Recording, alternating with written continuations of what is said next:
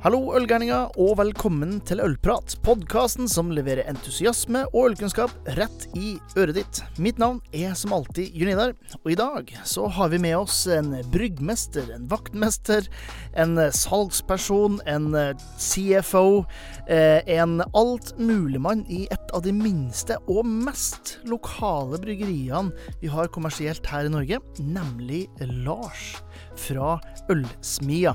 Vi snakker om de mange spennende lokale råvarene han bruker i ølene sine. Og vi snakker selvfølgelig om den nye festivalen hans, som er om bare litt over ei ukes tid.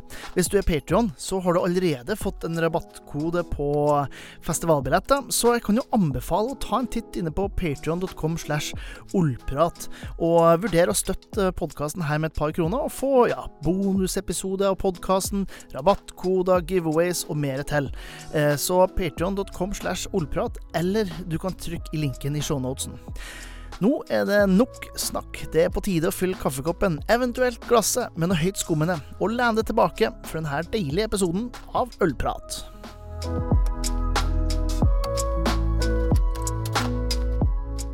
Da ønsker vi velkommen til Ølprat, en herremann som jeg først ble kjent med som Eh, og deretter som en kaffefyr, og deretter som en ølfyr, og som i dag er bryggmester på en av de minste, kanskje mest unike bryggeriene her i Oslo. Lars Kolstad Huse, velkommen til Ølprat. Jo, hei, takk. Eh, jeg tror teknisk sett så møttes vi kanskje først på um, Jeg tror det var på når jeg jobbet på Crowbar. Uh, og du Ja. hadde et Austmann-event. Ja, det kan godt stemme, ja. Og så alt det andre. Ja, for jeg, for jeg eh, første som minne har med det, Det, det regna noe helt jævlig. Er det, eh, det er kanskje Ja, ikke det er lov lov- til å det er lov til internett. Ja. Um, og- og jeg fikk sitte på. Ja. Uh, sitte på hjem. Det var, Det er hyggelig. Det var hyggelig da. var bra første møte. Ja, for den som første sånn lengre diskusjonen som vi hadde med det, husker i hvert fall var bruken av kaffe eh, i eh, en IPA Mm. eh, sammen med din, eh, din kompis Kevin. Mm. Eh, dere hadde laga en kaffe-IPA med Ego brygghus. Men jeg føler at vi Nå, nå, nå foregriper vi jo be begivenhetene litt her, sånn. Ja. Så, så litt grann, Lars, hvem er du? Hvor, hvor kommer du fra? Jeg er um, Ja, det var et uh, det er også et spørsmål. Ja. Eh, nei, jeg er ganske lokal, jeg. Eh, selv om jeg er eh, født i Bodø, så er all min familie her i Oslo-området. Og jeg er oppvokst her, og kona og hennes familie er eh, i Oslo-området. Så altså Oslo-gutt. Oslo, det er teknisk sett Bærum å vokse opp i det, men det, sånn er det.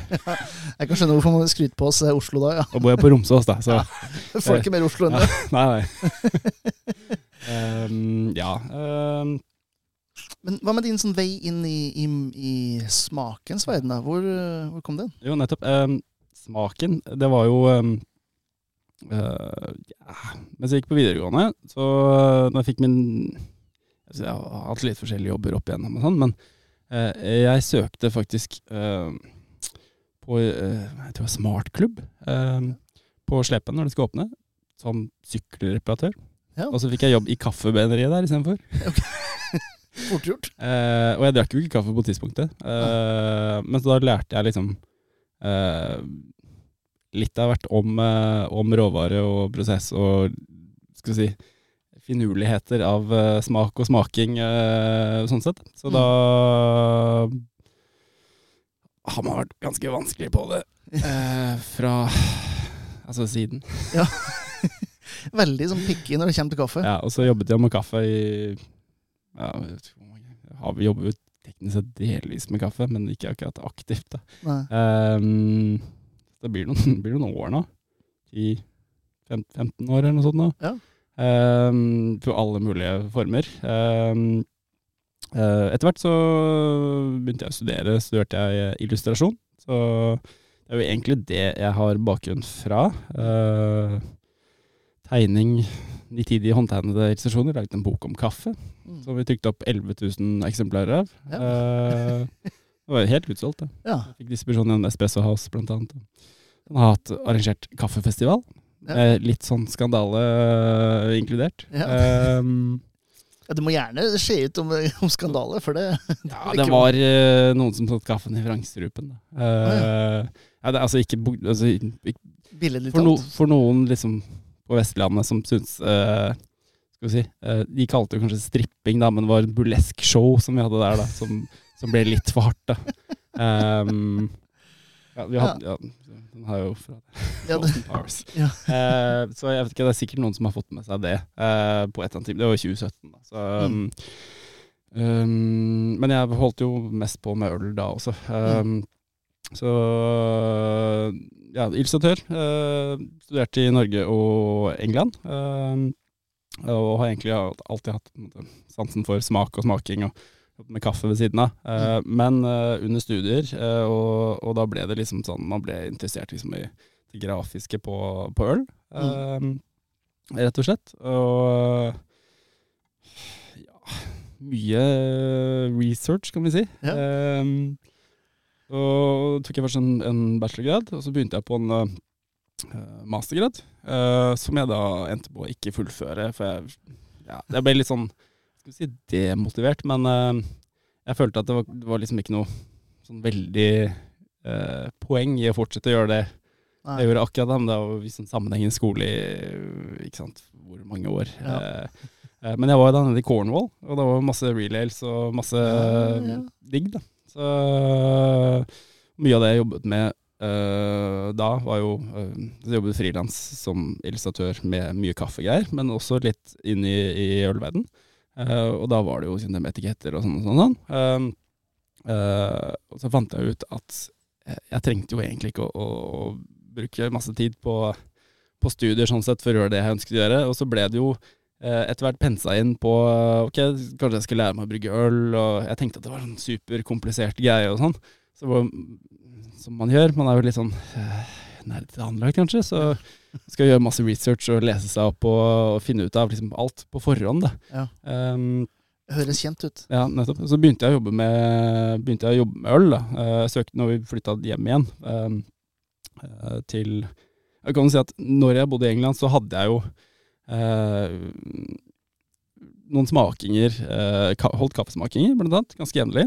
Uh, og så hadde jeg en smaking med kaffeøl. For det var rundt det tidspunktet hvor det var eh, håper å si at det var mer gøy da, eh, i, i ølverden. Mm. det var liksom ikke noe nei på eller noe sånt nå. Og da hadde vi jo liksom smaking av Mikeller og Koppi sin eh, sånn eh, kaffesurøl, og vi hadde det masse digg, da. Eh, Square Mile og The Colonel hadde kaffe-IPA, og eh, det var liksom mer bredde. Um, så pff, ja, det var egentlig bare et øl siden det. Eh, Jeg kom hjem fra Norge, så fikk jeg jobb på Crowbar. Um, så fikk jeg etter hvert ansvar for eh, flaskeutvalg og uh, tappelinjerens og litt sånn type ting. Jeg Mm. fant ut at det var ikke helt min greie å jobbe uh, helg og kveld, Uh, og var egentlig mer hypp på produksjonssiden og, og um, skal vi si, uh, ta det videre, da. Eh, Men så er det ikke nødvendigvis sånn, sånn automatikk i hvordan man skal gjøre det sånn og sånn og sånn. Det er jo de som går på skole og lærer seg å brygge og sånn, men det jeg hadde ganske mange år på skole allerede, så jeg var klar for å gjøre ting. Så møtte jeg uh, forskjellige folk, bl.a. blant annet Kevin, eh, som da hadde satt et hjemmebryggebatch før, eller noe sånt. Nå. Eh, men han hadde utstyr, og så fant vi ut skal vi brygge øl sammen. da? Ja, så gjorde vi det. Og så brygde vi plutselig veldig mye øl, Ja. og oppgraderte masse utstyr. Og ja Så ble det jo egentlig bare mer og mer eh, øl etter det. Eh, Brygga noen eh, batcher på Crowbar. Eh, Og det var den tida mens, mens Dave uh, var bryggmester? Ja, uh, mens Dave var bryggmester, og når Cam uh, tok over etter Dave. Da. Ja. Så um, For de av dere som hører på, ikke vet hvem jeg, hvem jeg refererer til, så er jo Dave han, jobba, han, var, han er også brygga sammen med.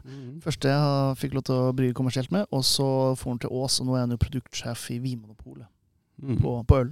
Yes. Så um, han er en bra fyr, han. Mm. Um, etter det så begynte jeg jo da å jobbe på Bryggeland, som nå ikke eksisterer eh, lenger, i hvert fall den grad det var. Og det var masse greier rundt der. Og så endte jeg opp som butikksjef i Bryggeland Sandegate.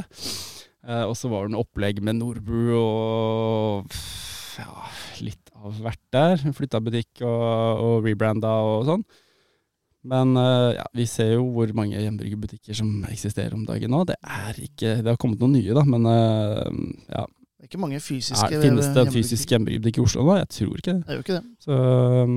Nærmest det på strømmen. så ja, jeg så jo egentlig på en måte hvordan det gikk der. Så da søkte jeg jobb på Amundsen bryggerispiseri, som trengte en ny brygger. Eh, og det var første på en måte bryggejobb, da. Uh, sånn sett, selv om vi hadde brygget en del på ja, forskjellige brygger. Vi laget collab med Aya blant annet. Vi var på Ego og lagde kaffe-IPA.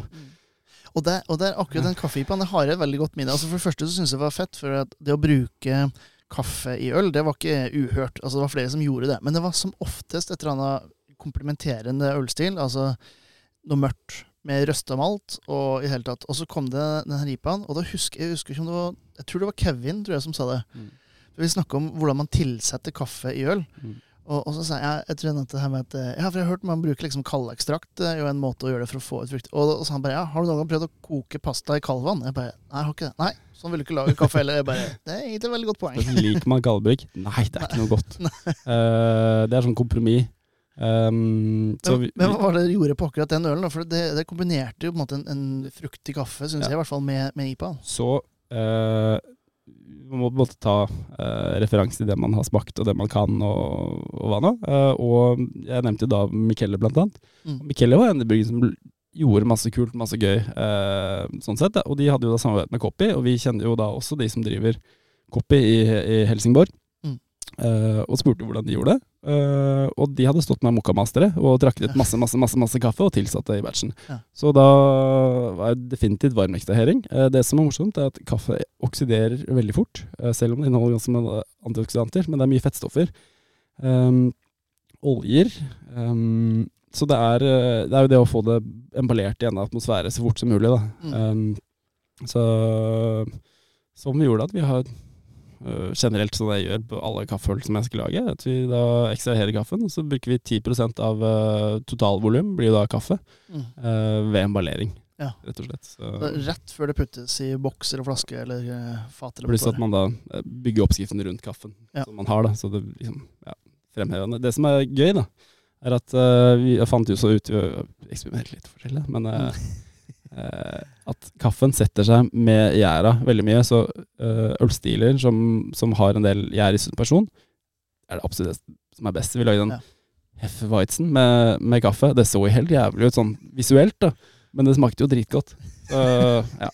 At Jeg bare ser for meg en sånn her sånn gråbrun, eh, Mm. skyet, eh, ekkel eh, glye. Men jeg, jeg kan jo skjønne hvis du altså Med den tilnærminga at du, du tar utgangspunkt i hvordan smak av kaffen eh, skal bidra med, Ja. eh, og så bygge ølen rundt, så får du en helt annen eh, Og det er jo egentlig vi skal, Kanskje vi skal pense ut av kaffesporet. Så kan man si at det er kanskje det er min tilnærming er eh, generelt da når jeg skal lage oppskrift eller bygge øl, er at jeg Altså, du kan ikke lage noe som er bedre enn råvarene dine, for å si det sånn. Det, Ja. Og så er, er du jo en, du er jo en stund på, på Amundsen. Ja. Eh, tar over der. Og, og det her er jo en del av noe som heter Furuset-gruppen.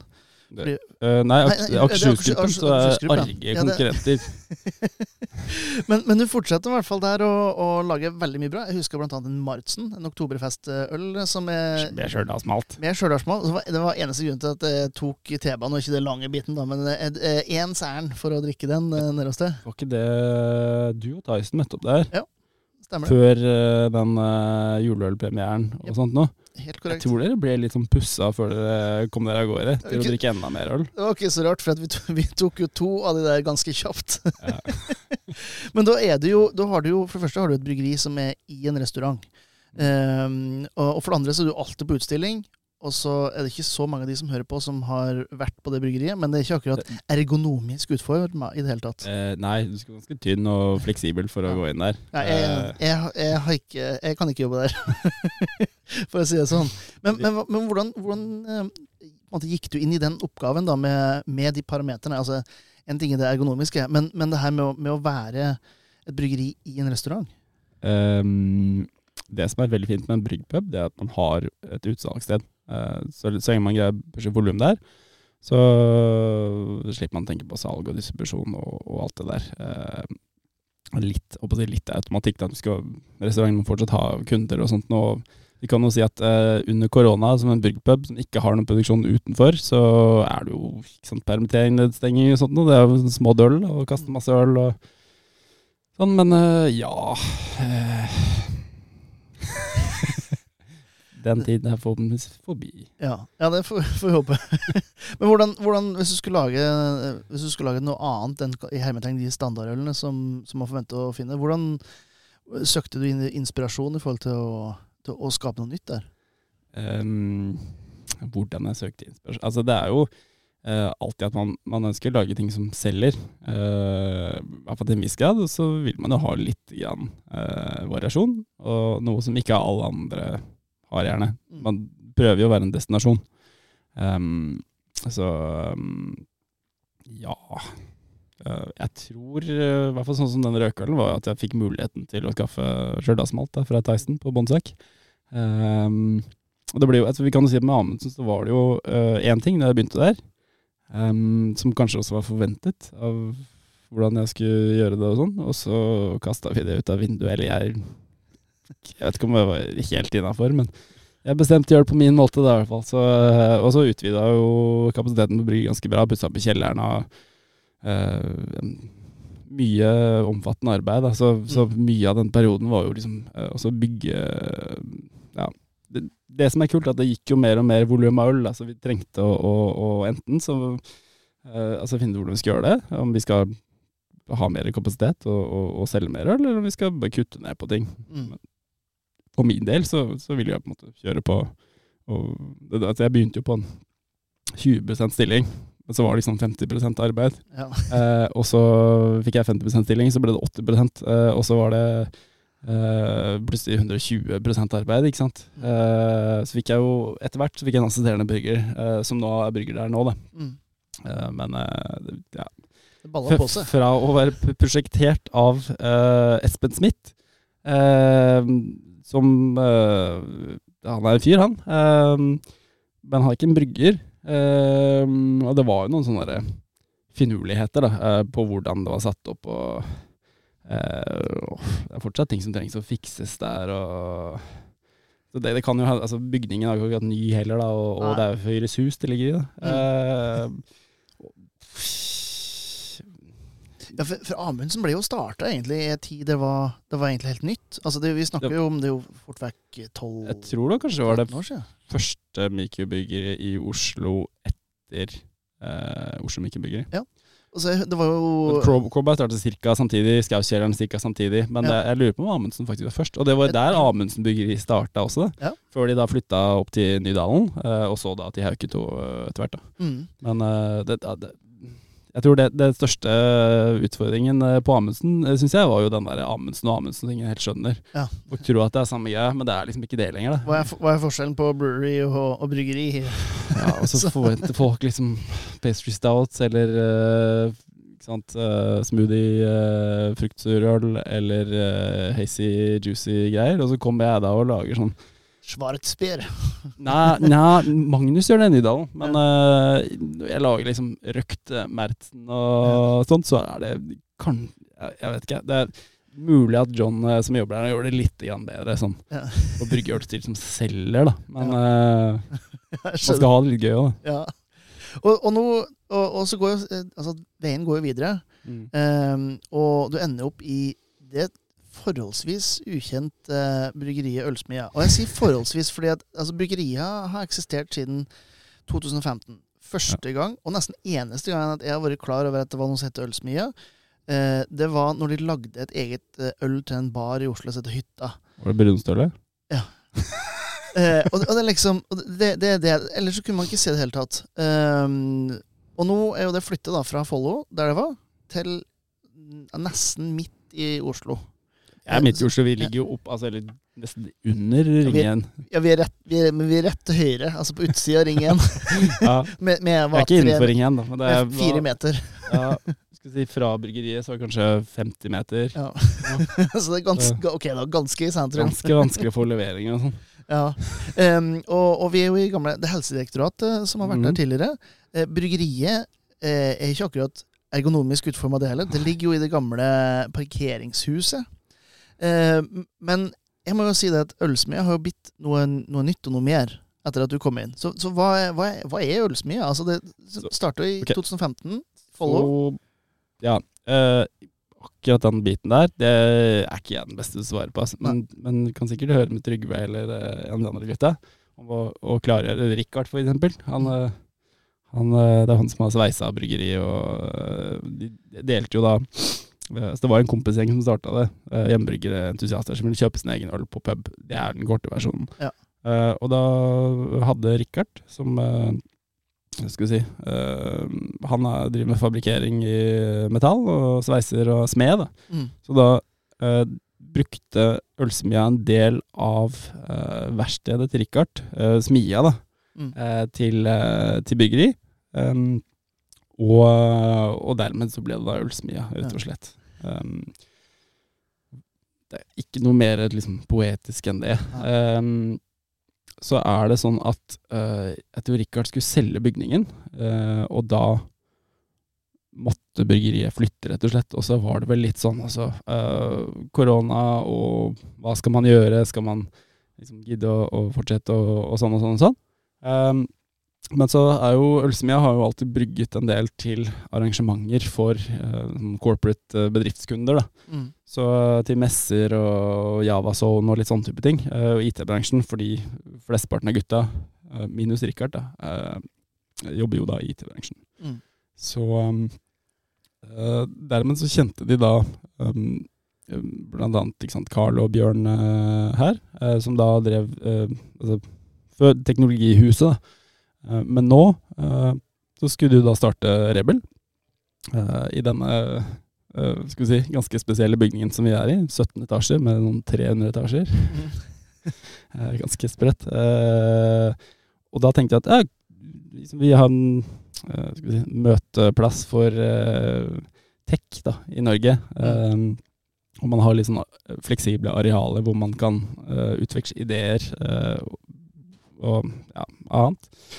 Um, med innovasjon og ja, hva nå det skal inspirere til. Og, og, og øl er jo ofte en bra liksom, sosial smøremiddel. da. Eh, og Furseth-gruppen har da uh, alle serveringene på, på huset, alle restaurantene. Det er jo da um, italienske restauranten, eh, Di Sopra di Sotto, uh, altså oppe og nede. Um, og så er det Jeg tror de har sånn 20 eller 30 000 forskjellige vinflasker. Det er helt uh, tullete.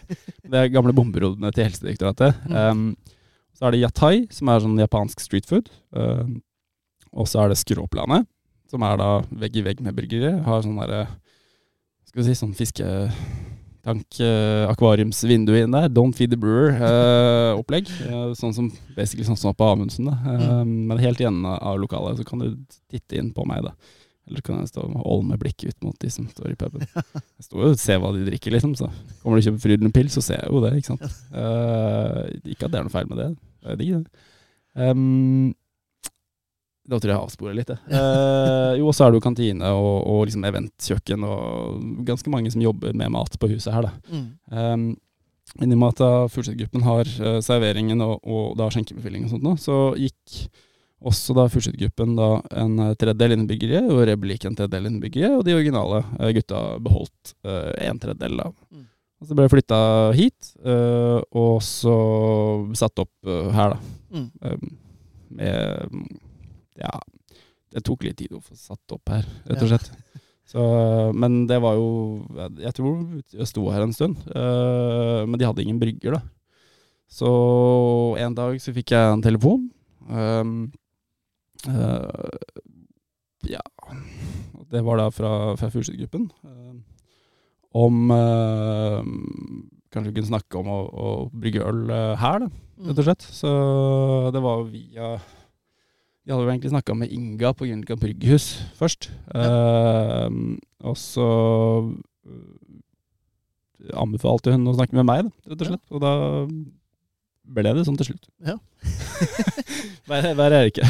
Nei, og nå er det jo altså, Det er feil å si bryggmester. Vi snakka om det før Viken her. For liksom det, det er alt.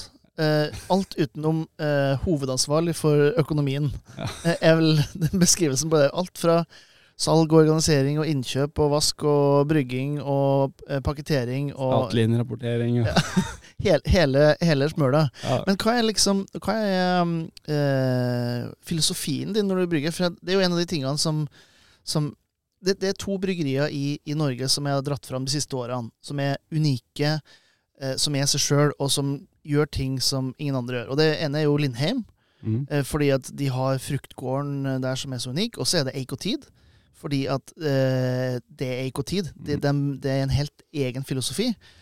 Og så det siste året, etter at du har kommet inn og, og, og gjort ting i Ølsmia, så havner du også i den lista for min del, med noen som, som gjør ting som er helt unikt. Ikke Du, du snakka så vidt så bitte litt ned neipa i stad. Du skal ikke få mer tid til det. Men, men du er ikke en superfan av den typen øl. Eh, Jeg liker alt øl, jeg. Altså. ja, jo, jo, liker. Men det er ikke det du brygger, det du fokuserer mest på. Eh, sånn utad, i hvert fall. Så, så hva er filosofien din nå med ølsmi, og hva er det som gjør det Eller jeg vet ikke hva som gjør det unikt, da, men, men fortell litt om den. Um, for det første så er det jo Skal vi si Jeg kan ikke konkurrere på pris.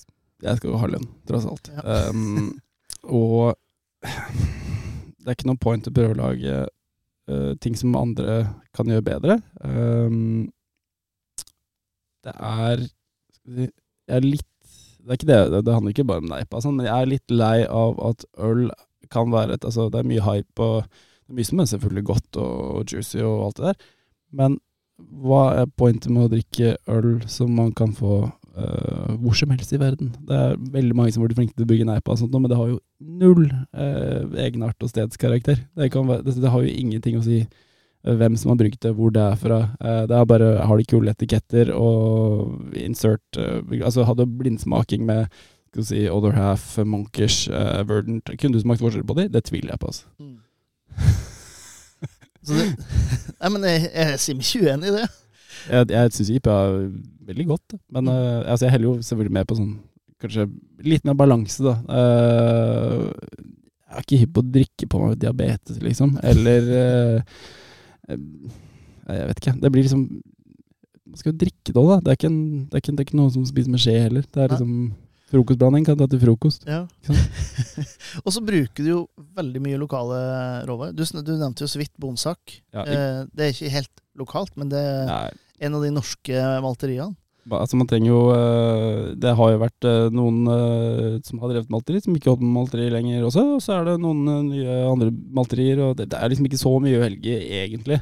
Nei. Eller malterimessig så kan du velge mye, men, men i Norge så er det lite. Og da er det jo liksom Ok, hva kan vi se på av pris og kvalitet, ikke sant? Eh, det er kvaliteten og smaken som er det, det viktigste her. Eh, Mm. selvfølgelig så blir det eh, en vesentlig høyere kostnad i innkjøp, men vi har jo såpass små volumer at det er ikke det som er make or break, liksom. Det kan heller bruke mindre ingredienser. Ja. Sånn sett, da. Um, men vi kan si at jeg kan ikke konkurrere på pris, og jeg, det er ikke noe point å lage neipa av sånt nå. Det blir så helt ekstremt dyrt Mm. eh, lage på så liten skala at det, det er ikke noe poeng. ingen gidder å betale for det. ikke sant? Uansett verdens beste whatever. Det, er, det syns jeg ikke brygger, brygger seg til til å bruke masse humle. Nei.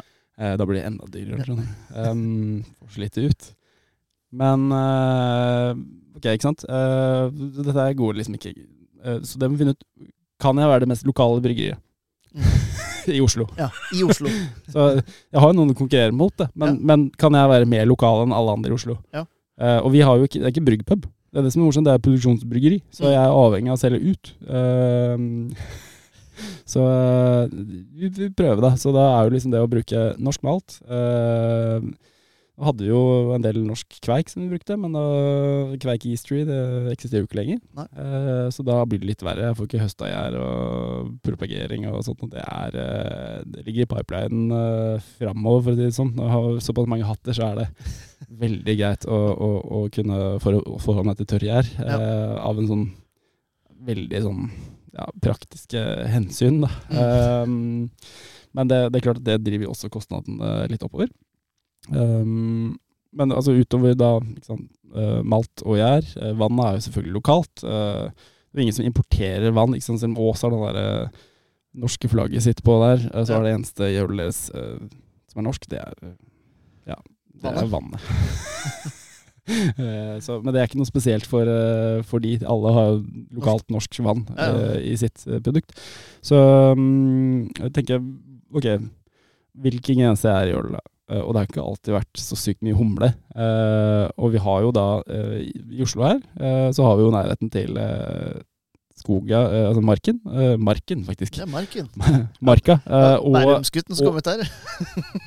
og, og fjorden, da. Så eh, prøve å ta litt inspirasjon fra det, rett og slett. da. Men eh, lage øl som er ment for å drikkes, Ja. og gjerne mange. Ja. Eh, er det, jeg tror jeg det var Gareth Oliver som sa det, kanskje. At det var uh, Er det en god øl hvis du ikke kan drikke femmann? Mm. Altså, det er liksom målestokken, da. Så balanse, kompleksitet eller drikkelighet. Eh, men da så lokalt som mulig. Det er kort fortalt, Jeg vet ikke om det var så kort fortalt, men Ja, det er langt fortalt, men godt fortalt. Men det gjør jo også Man tenker ja, men ok, da lager du bare blondale og pils og liksom hele tatt. Men det er ikke det du gjør heller. Fordi at det er en liten twist i, i det meste. Du hadde en, en øl nå med Skogens gull, Mm. eh, med kantarell, Mm. eh, plukka av din svigermor. Eh, Du har laga øl med granskudd. Pluk, Eh, pluk, plukka jeg rett nesten fra veien fra døra mi ned til T-banen. Ja. Perfekt. Perfekt. Eh, og eh, og ja, vi hadde jo en fantastisk kombinasjon eh, på Kulinarisk ølsirkus med eh, støllingkveite og et førjulsmaleritt med, med gresskar. Ja, Kanskje det var den beste kombinasjonen eh, på kvelden. Det var sykt godt. Ja. Uh, selv om man ikke Altså, ja. Pumpkin ale i uh, februar, ikke? Februar.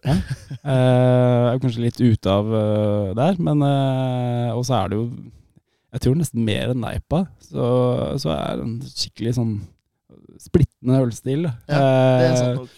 det er et øl folk elsker å hate, og folk elsker. Mm. Så akkurat det var jo samarbeid med, med Bear Flag, så um, da ble det litt laktose og krydder og sånn. Ja. uh, jeg tror hvis jeg hadde gjort det helt aleine, så hadde det vært et, kanskje et helt annet øl. Uh, kanskje vært et surøl med gjeskare på en helt annen måte, men det, det var helt, helt riktig. Så Og gresskaret var jo ganske lokalt også. Nå var Ja. ikke det fra det er innenfor Ring 2, da, men likevel. eh, Bergsmyrene går ute på Hurmlandet. Mm. Eh, det har jeg kjøpt en del fra. Eh, eller vi kjøpt uh, gresskar, og vi kjøpt eh, hylleblomst, blant annet. Så jeg har lagd et hylleblomstøl sammen med Ringnes Brygghus. Uh, som eh, også ble sykt godt. Mm. Uh, litt sånn, skal vi si eh, det på norsk? Understated. Altså, det er subtilt, det. Ja. Eh, det liksom, vi prøver ikke å være in your face, eh, men å lage da øl på lokale råvarer som er eh, balansert, komplekst, lettdrikkelig og godt. Mm. Men kanskje det blir litt dyrt. Men det, jeg vet ikke om det egentlig er så dyrt i forhold til hva du får. det. Så Ja, det er jo å vise den mer merverdien eh, det, det kan være med å bruke lokale råvarer, tenker jeg.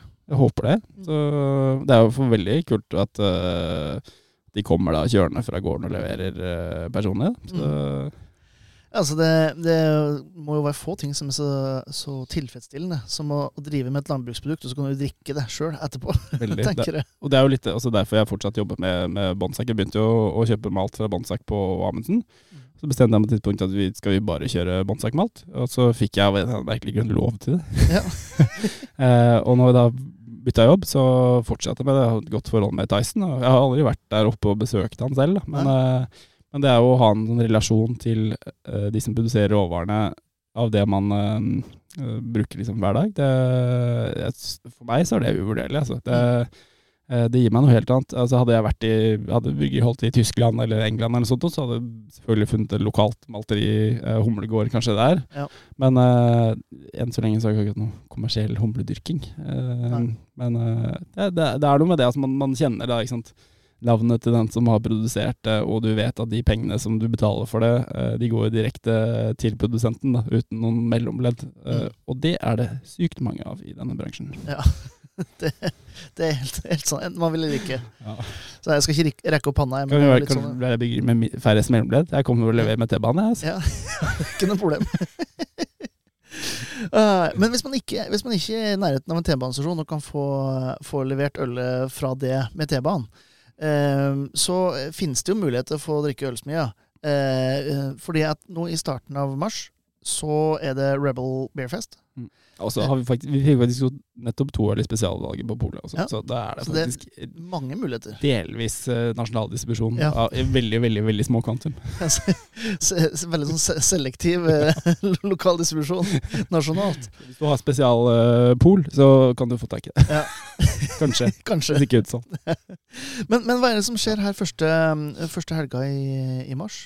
Eh, da mm, Det er jo litt sånn morsomt. Jeg, mm, jeg tenker hvis du skal- det skje noe, så må du få det til å skje sjæl. Jeg har ikke tid til å vente på andre. ass. Så øh, da uh, hørte jeg med gutta på huset og litt rundt om uh, kanskje vi kan bruke disse helt amazing fasilitetene som vi har her, uh, til noe som er litt annet enn noen tech-messe. da. Mm. Og det er jo helt perfekt for ullfestival. Ja. Så greide jeg å overbevise det av, en eller annen grunn. Da. Så mm, prøve å ikke tappe altfor mye penger på det.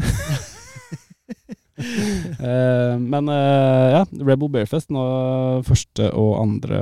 mars her uh, på St. Olavs plass i Rebel. Ja.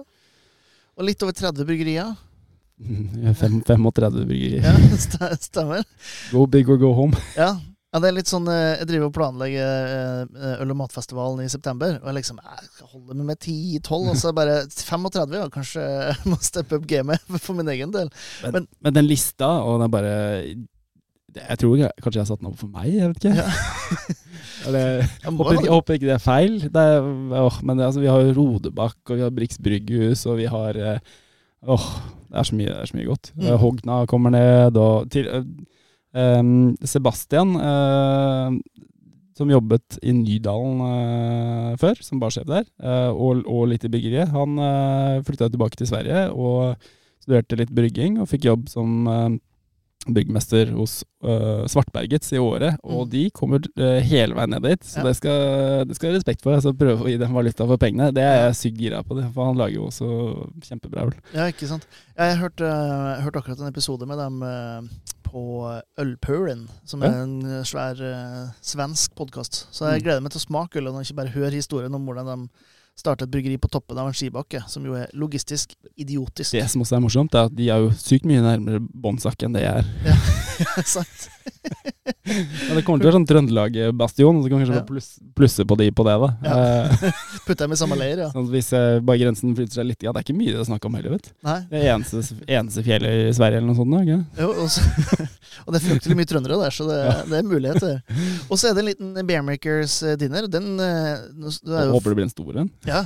Eh, og eh, nå er det full disclaimer, jeg skal jo være med på den, og jeg gleder meg jo, for det er jo David mot eh, Goliat. Ja. Litt, sånn, litt sånn ordentlig, ordentlig. Og så har vi Hansi som, eh, som sånn eh, MC, da, presen, som presenterer. Så Ja. det blir gøy. Så blir litt sånn Ja, eh, eh, altså ikke bryggeribråk, men, men basically liksom Ja. i de uh, durene her. Så det Samme, blir gøy. samme feelingen. Samme, jeg håper det. For, for det er jo Ringnes mot tre uavhengige, privateide, fantastiske bryggerier. Så jeg tenker det er jo easy match. Jeg må vi får nå se, da. Ja, du representerer vel det eldste av de bryggeriene, da. Det, det er sant. Det er 100, 150 år. det det, snart, så. det skulle bare mangle. Du representerer et belgisk bryggeri òg, da. Ja, det, det, det er helt, det er helt sant. Ja, jeg, jeg, jeg, jeg driver faktisk og, skal lage en, eh, en liten te, eller litt merch til, Mm. eh, til eh, det her greiene. eh, Med David mot Goliat som eh, Får vi se hvor, hvor godt det blir mottatt av uh, de høyere makter i konser konsernet Ringnes. Du hører jeg begynner allerede å, å gire opp bare. Det er mange ansatte som jobber med annet enn brygging der. Ja. Um, men det er, eh, det er, det er det blir topp stemning. Uh, de er jo gira alle sammen. Uh, og jeg tenker jo at noe av det som er fint med denne festivalen, og derfor har jeg også spurt Ringnes om å være med på, være med på det, at de kan vise fram noe av den kompetansen som de har. Og det er jo så, altså de sitter med så mye kompetanse Ja.